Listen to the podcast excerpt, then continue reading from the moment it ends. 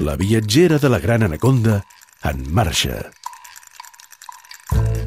Cris Ubach, fotògrafa professional i escriptora de viatges, s'ha passat mitja vida solcant planures, muntanyes, rius, boscos i deserts pel continent americà.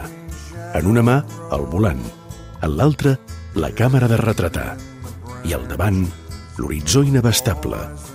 D'aquestes vivències en són les seves cròniques americanes.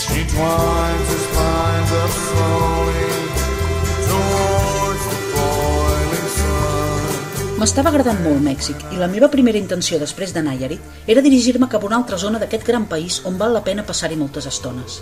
Però la setmana passada, a Sayulita, vaig conèixer dues nord-americanes que venien d'Arizona. Entre còctel i còctel margarita em van parlar molt i molt bé de la seva terra, però sobretot em van recomanar l'estat de Nou Mèxic. Tot i que he viatjat força pels Estats Units, que és un país al qual torno sempre que puc, reconec que mai havia estat a Nou Mèxic. I em va picar la curiositat. Les dues noies d'Arizona, la Sharon i la Catherine, em van parlar de pobles fantasma, de la Ruta 66, del menjar purament mexicà, de deserts de sorra blanca i d'ovnis. En fi, amb totes aquestes meravelles per descobrir, no me'n podia estar de fer un salt en el mapa i de viatjar fins a aquest racó dels Estats Units. I m'ha agradat fer-ho, perquè en definitiva la salsa dels viatges és això. Sortir de tant en tant de la línia que t'havies marcat, desbaratar els plans i seguir un pressentiment. I així ho vaig fer. De fet, tampoc hi estava tan lluny. Des de Nayarit fins al Albuquerque, a Nou Mèxic, només em va costar unes 5 hores de vol, comptant l'escala Fènix, i poc més de 200 euros. Així, en arribar al Albuquerque, em vaig instal·lar en un típic motel de carretera d'aquells amb llums de neó que es veuen de lluny. Unes quantes motos custom aparcades a la porta em van fer adonar que justament aquest motel queda dins la mítica Ruta 66. Però això ja us ho explicaré més endavant. Anem a pams. Nou Mèxic és un estat que fa frontera amb Mèxic, concretament amb els estats de Sonora i Chihuahua. Però això no sempre ha estat així. De fet, gairebé tot el sud dels Estats Units, inclosos Arizona, Utah, Nevada, Califòrnia, Texas, Colorado i alguns altres territoris, van pertanyar a Mèxic fins al 1848. Després de la signatura del Tractat de Pau entre els dos països, els Estats Units van pagar a Mèxic 15 milions de dòlars com a compensació per la pèrdua territorial. Queda clar que els veïns del nord van sortir guanyant amb el tracte.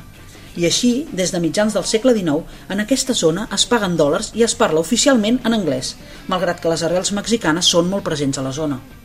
Ho he comprovat fa una estona, quan he anat a esmorzar al Garcías Café, un local que queda just davant del meu motel. Només entrar i sonaven ranxeres, i amb això ja ho he dit tot. Les opcions de bon matí no eren les que em venien de gust. Jo hauria venut la meva ànima al diable per un bon pa amb tomàquet amb fuet, però he hagut de triar alguna cosa que inclogués tortilles, jalapeños o chiles, i finalment he optat pels huevos rancheros. Després d'esmorzar faig una volta pel centre històric d'Albuquerque i un altre cop tot em recorda la veïna Mèxic. Hi ha una església catòlica, la de Sant Felip Neri, on encara es fan els oficis en castellà. Cases fetes de fang i palla i manats de pebrots vermells als eterns xiles, assecant-se el sol a patis i balcons. Però també hi trobo molts elements de la cultura indígena originària. De fet, quan els castellans van conquerir aquesta zona del mapa al 1706, els nadius americans ja feia molts segles que hi eren. I al marge del que pensessin els que ja hi vivien, els missioners van aixecar la seva Sant Felip Neri i van batejar la ciutat per més glòria d'un senyor extremeny, el vuitè duc d'Alburquerque. Això sí, en algun punt de la història, el nom d'Alburquerque va perdre una R pel camí i la ciutat que avui coneixem es diu Albuquerque. M'hi quedaré uns dies. M'ha donat molt bones vibracions aquest lloc i a sobre he descobert que una mica més enllà del Garcías Café hi ha una pastisseria italiana on fan cappuccinos i madalenes. Ah, i posen música de Renato Carosone. Questa piccolissima serenata con un fil di voce si può cantare, la sussurrerà.